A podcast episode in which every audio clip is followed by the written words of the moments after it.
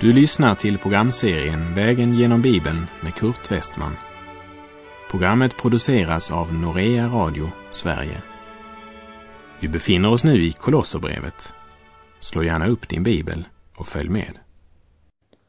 Vi har kommit till den nionde versen i Kolosserbrevets tredje kapitel. Förra programmet avslutades med att Paulus sa att de som Guds barn måste lägga bort vrede, häftighet och ondska och inte låta smädelser och fräckheter komma över sina läppar. Han talar om att iklädas Kristus och att lägga av den gamla människan med sina gamla vanor som de förut vandrade i. Frälsningsverket är fullbordat, men det är människans ansvar att dagligen leva i Kristus och att arbeta med fruktan och bävan på sin frälsning som han skrev i Filipperbrevet. Det vill säga, det är vanor som ska läggas bort och det är nya vanor som ska prioriteras och praktiseras. För vanor är som kork eller som bly. Antingen lyfter det oss eller drar oss nedåt. Vi läser Kolosserbrevet 3, vers 9. Ljug inte på varandra. Ni har ju klätt av er den gamla människan med hennes gärningar och klätt er i den nya människan som förnyas till rätt kunskap och blir en avbild av sin skapare. Trots att de kommit till tro och avklätt sig den gamla människan så hände det tydligen att man ljög på varandra där i Kolosse. Kan en frälst människa ljuga? Ja, tyvärr kan det nog hända. Det betyder inte att man förlorat frälsningen, för i så fall hade de flesta förlorat den för länge, länge sedan. Det är skillnad på frestelse och fall och att leva i synd. Så vandrade de tidigare då de levde i dessa synder, säger Paulus i vers 7. Men nu ska de alltså föra krig mot dessa synder. Och Paulus tar konkret upp detta med lögn. Ljug inte på varandra. Det var tydligt att det förekom i Kolosseum. Lögnen är djupt rotad i människohjärtat. Och det finns många kristna som fortfarande hänger sig åt lögnen. Men nu ska ni lägga bort allt detta, säger Paulus. Ni har ju klätt av er den gamla människan med hennes gärningar och den nya klädesdräkten är Kristus. Kristusgemenskapen i församlingen illustreras med bilden av en ny klädesdräkt. En gammal dräkt ska läggas bort och en ny dräkt ska tas på. Det vill säga, vi har ett personligt ansvar att låta oss dagligen avklädas av Guds ransakande ord och låta oss iklädas dagligen av honom som uppenbarar sig i ordet. Det är bland annat därför som vi i Norea Radio systematiskt vandrar vägen genom Bibeln steg för steg. Vi läser Hebreerbrevet 12, vers 1 och 2.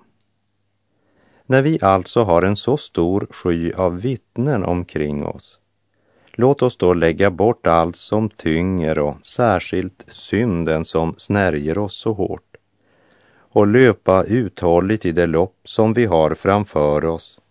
Och låt oss ha blicken fäst vid Jesus, trons upphovsman och fullkomnare, som istället för den glädje som låg framför honom utstod korsets lidande utan att bry sig om skammen och som nu sitter på högra sidan om Guds tron.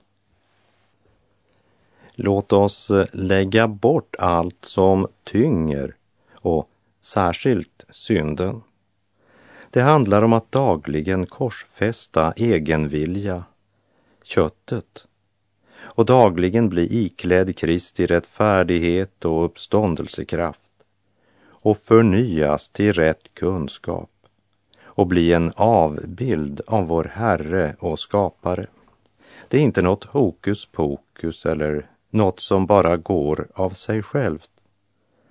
Vi har alla ett personligt ansvar när det gäller vårt förhållande till otukt och girighet, till vrede och ondska och vårt förhållande till lögnen. I Ordspråksboken 30, vers 5 och 6 står det Allt Guds tal är luttrat. Han är en sköld för dem som tar sin tillflykt till honom. Lägg inte något till hans ord, för att han inte må ertappa dig med lögn. Med ett oerhört allvar varnar Herren oss för att lägga något till hans ord.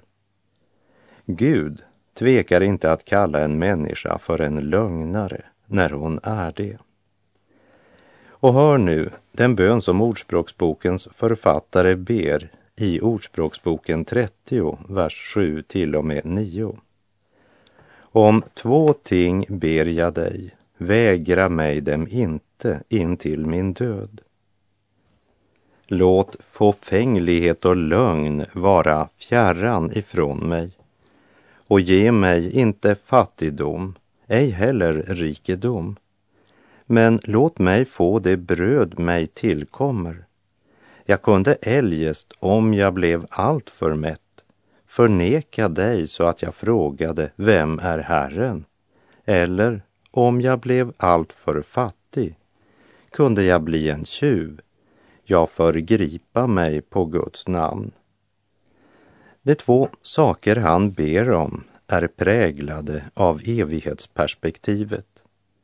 Låt oss se vad som kommer först på den här mannens önskelista. Låt fåfänglighet och lögn vara fjärran ifrån mig. I en annan översättning står det låt falskhet och lögn vara långt ifrån mig. Hans första bön gäller alltså personligheten, det som har med hans karaktär att göra, det inre livet. Låt falskhet och lögn vara långt ifrån mig. Den här bönen gäller alltså det inre livet, hjärteförhållandet, karaktären, vem jag är. Ett Guds barn ber att lögnen ska vara långt ifrån honom. Därför förmanar också Paulus de troende i Kolosse med orden Ljug inte på varandra. Ni har ju klätt av er den gamla människan med hennes gärningar. Lögnen är väl en av de första synder ett litet barn begår. Jag hörde om en liten pojke som kom springande in till mor och skrek Mamma, mamma, ett lejon sprang just över vår tomt. Och mamman svarade, Lasse, du vet att det inte var ett lejon. Det var en stor hund som sprang över gräsmattan. Nu borde du gå upp till ditt rum och bekänna för Gud att du ljög om det här. Och Lars gick upp på rummet. Efter en stund så kommer han ner igen och mor frågar, Nå, har du bett Herren om förlåtelse? Och Lars svarade, ja, det har jag gjort, men Gud sa att när han såg den stora hunden så trodde han också först att det var ett lejon. Ja, lögnen har djupa rötter i vår fallna människonatur. Låt oss likt Ordspråksbokens författare be om att falskhet och lögn må vara långt ifrån oss. Och låt oss lyssna till förmaningen som Paulus ger i Kolosserbrevet 3, verserna 9 och 10. Ljug inte på varandra. Ni har ju klätt av er den gamla människan med hennes gärningar och klätt er i den nya människan som förnyas till rätt kunskap och blir en avbild av sin skapare.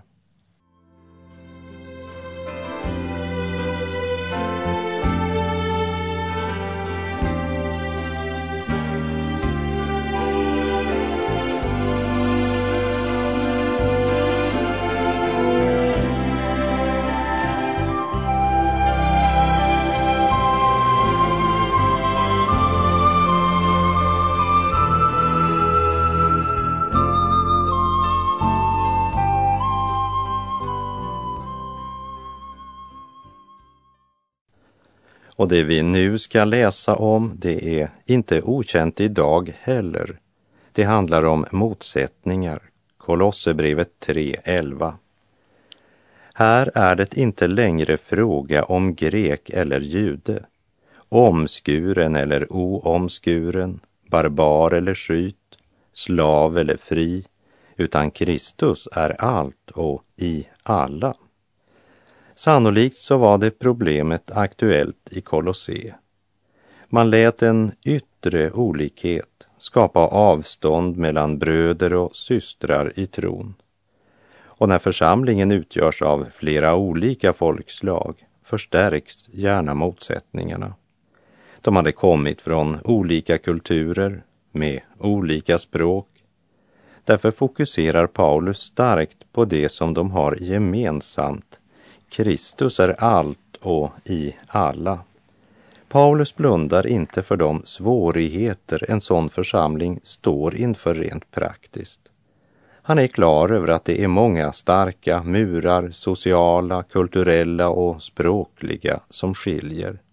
Men det som förenar, det är trots allt starkare. Jag tror inte jag vet om någon församling som inte har problem eller motsättningar av ett eller annat slag. Och vi ska inte bara låtsas som om problemen inte existerade. Men vi ska be om nåd att inte bara se hålen i schweizerosten. Vi är kallade att vända vår blick emot honom som är huvudet, Herren Jesus Kristus. Endast i honom når vi enhet i tron.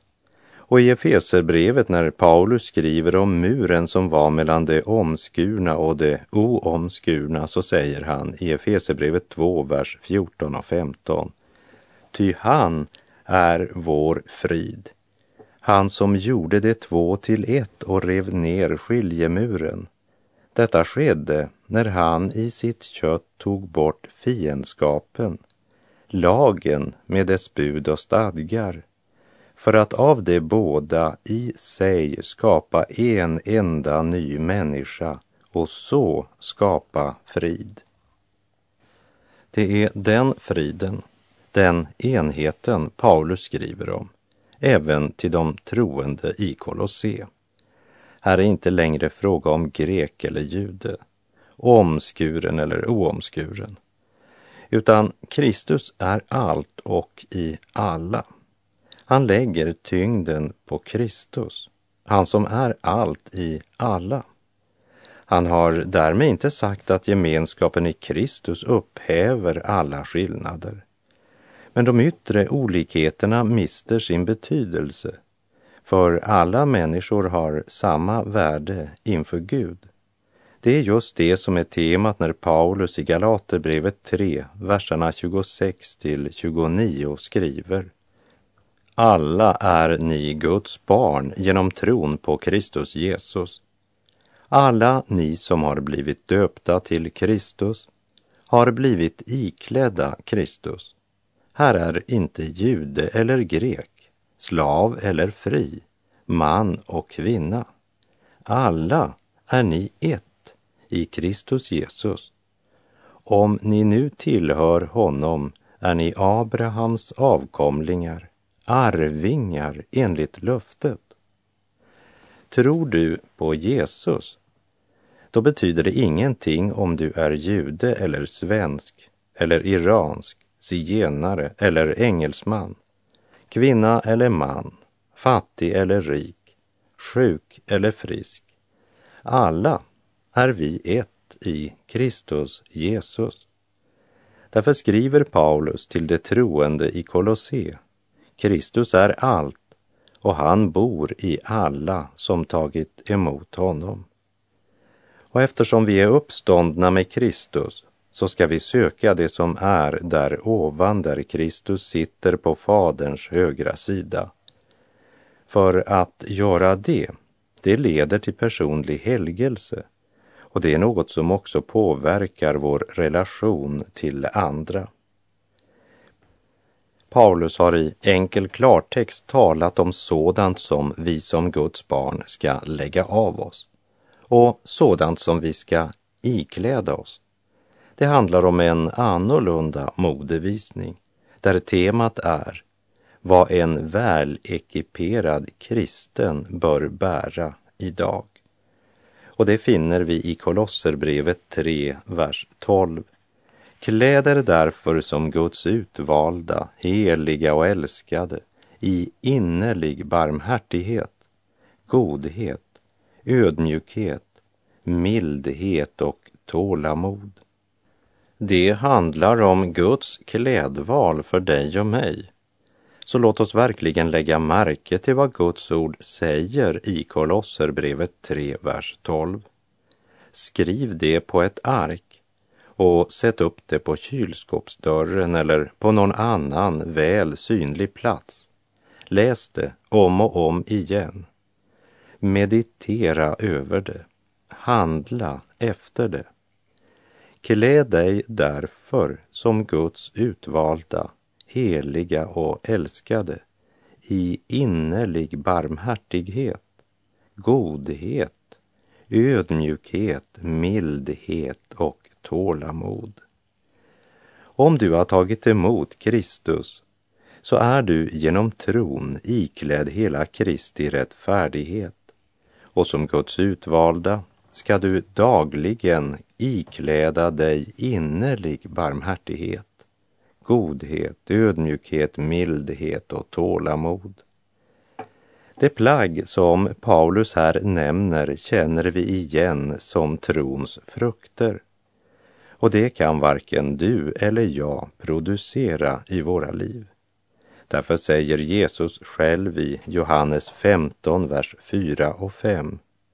Förbli i mig, så förblir jag i er. Liksom grenen inte kan bära frukt av sig själv, utan endast om den förblir i vinstocken, så kan inte heller ni det om ni inte förblir i mig. Jag är vinstocken, ni är grenarna. Om någon förblir i mig och jag i honom bär han rik frukt, ty utan mig kan ni ingenting göra. Då anar vi vad Paulus menar när han skriver Kläd er därför, nämligen att vi ska låta Kristi ord få en fast plats i våra vardagsrutiner. Vi ska låta Guds ord bo rikligt ibland oss, som han uttrycker det i vers 16. Vi läser Kolosserbrevet 3, verserna 13 till och med 15. Ha fördrag med varandra och förlåt varandra om någon har något att förebrå en annan. Så som Herren har förlåtit er skall ni förlåta varandra. Över allt detta ska ni klä er i kärleken som binder samman till en fullkomlig enhet. Låt Kristi frid regera i era hjärtan, den frid som ni blev kallade till i en enda kropp och var tacksamma. När Paulus skriver sitt andra brev till sin unga medarbetare Timoteus så säger han bland annat att i de sista dagarna ska människorna älska sig själva och vara penningkära, skrytsamma och kärlekslösa och oförsonliga och skvalleraktiga och så vidare. De ska älska njutning istället för Gud. Och när det gäller ändetiden så säger Jesus i Matteus 24.12 och eftersom laglösheten tilltar kommer kärleken att svalna hos de flesta.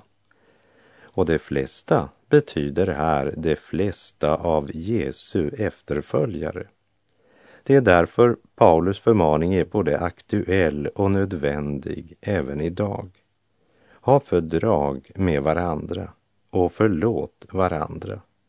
När han säger förlåt varandra så går han rakt på sak och när han lägger till över allt detta ska ni klä er i kärleken. Så talar han inte om kärleken som ett tillägg till allt det andra, men om det som ska genomsyra allt det han har talat om och styra alla deras handlingar. Och också här är det Herren Jesus själv han använder som förebild. Så som Herren förlåtit er ska ni förlåta varandra. I verserna 14 och 15 talar han om två av Andens frukter, kärlek och frid. Låt Kristi frid regera i era hjärtan, den frid som ni blev kallade till i en enda kropp och var tacksamma.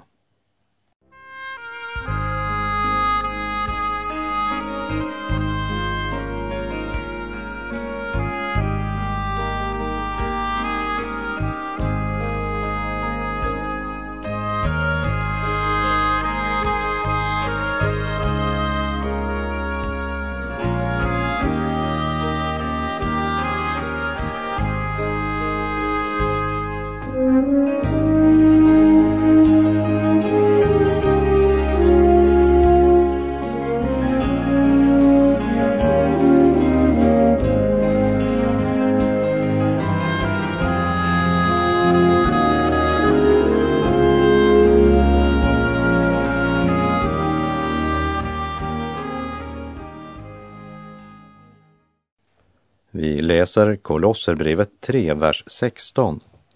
Låt Kristi ord rikligt bo hos er med all sin vishet och undervisa och förmana varandra med salmer, hymner och andliga sånger och sjung med tacksamhet Guds lov i era hjärtan.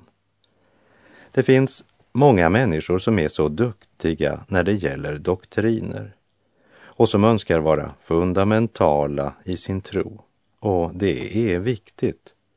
Och det har jag också poängterat gång på gång under vår vandring vägen genom Bibeln. Men om doktrinerna blir så viktiga att de överskuggar livet, andens frukt, kärleken, glädjen och friden, då är Guds ord inte mat för själen utan bara något man har stor teoretisk kunskap om. För sådana blir kristendomen ofta en bok under armen istället för en ström i deras inre. Andra åter ägnar för lite tid till studiet av Guds ord och säger att det är inte så viktigt med läran för kristendomen är inte lära men liv. Men sanningen är att kristendomen är lära och liv, höra och göra. Paulus säger inte, nu måste ni bli mer aktiva i församlingsarbete. Ni måste ge mera pengar till församlingens arbete. Men han säger, låt Kristi ord rikligt bo hos er. I Johannes 14, verserna 23 och 24 säger Jesus, om någon älskar mig håller han fast vid mitt ord och min fader ska älska honom och vi ska komma till honom och ta vår boning hos honom. Den som inte älskar mig håller inte fast vid mina ord. Det ord som ni hör är inte mitt utan kommer från Fadern som har sänt mig. Men Paulus säger inte bara att de ska studera Guds ord flitigt, utan han säger också i Kolosserbrevet 3.17 och allt vad ni gör i ord eller handling, gör det i Herren Jesu namn och tacka Gud Fadern genom honom. Höra och göra, det är oskiljaktigt hos ett Guds barn. Till de troende i Rom skrev Paulus i Romarbrevet 2.13 det är inte lagens hörare som blir rättfärdiga inför Gud, utan lagens görare skall förklaras rättfärdiga. Och Jakob skriver i Jakobs brev 1, vers 22. Var ordets görare, inte bara dess hörare, annars bedrar ni er själva. Jesus själv säger i Johannes 7, verserna 38 och 39. Den som tror på mig, ur hans innersta ska strömmar av levande vatten flyta fram, som skriften säger. Detta sade han om anden som de skulle få som trodde på honom. Och i Kolosserbrevet 3.17 sa alltså Paulus, och allt vad ni gör i ord eller handling, gör det i Herren Jesu namn och tacka Gud Fadern genom honom. Allt vad ni gör i ord eller handling. Kanske behöver också vi påminna varandra om den sanningen, att rättfärdighet och ärlighet gäller lika mycket arbetsmoral som gudstjänstliv. Det gäller äktenskap, affärer och fritid. Det gäller allt vad vi gör i ord eller handling. Det är allvarligt att tänka på i en tid då moralupplösningen präglar både arbetsmoral, sexualmoral, etiska frågor och socialt ansvar. Må Gud också i vår generation uppresa kristna kvinnor och män som är ljus och exempel och som i allt vad de gör i ord eller handling gör det i Herren Jesu namn och tackar Gud, Fadern, genom honom. Och med det så är vår tid ute för den här gången. Kom ihåg att hela ditt liv angår Gud. Allt vad du gör i ord eller handling. Och när vi vet att Guds ord säger det, vilken konsekvens får det för oss från den här stunden? Meditera över det tills vi hörs igen. Herren vare med dig. Må hans välsignelse vila över dig. Gud är god.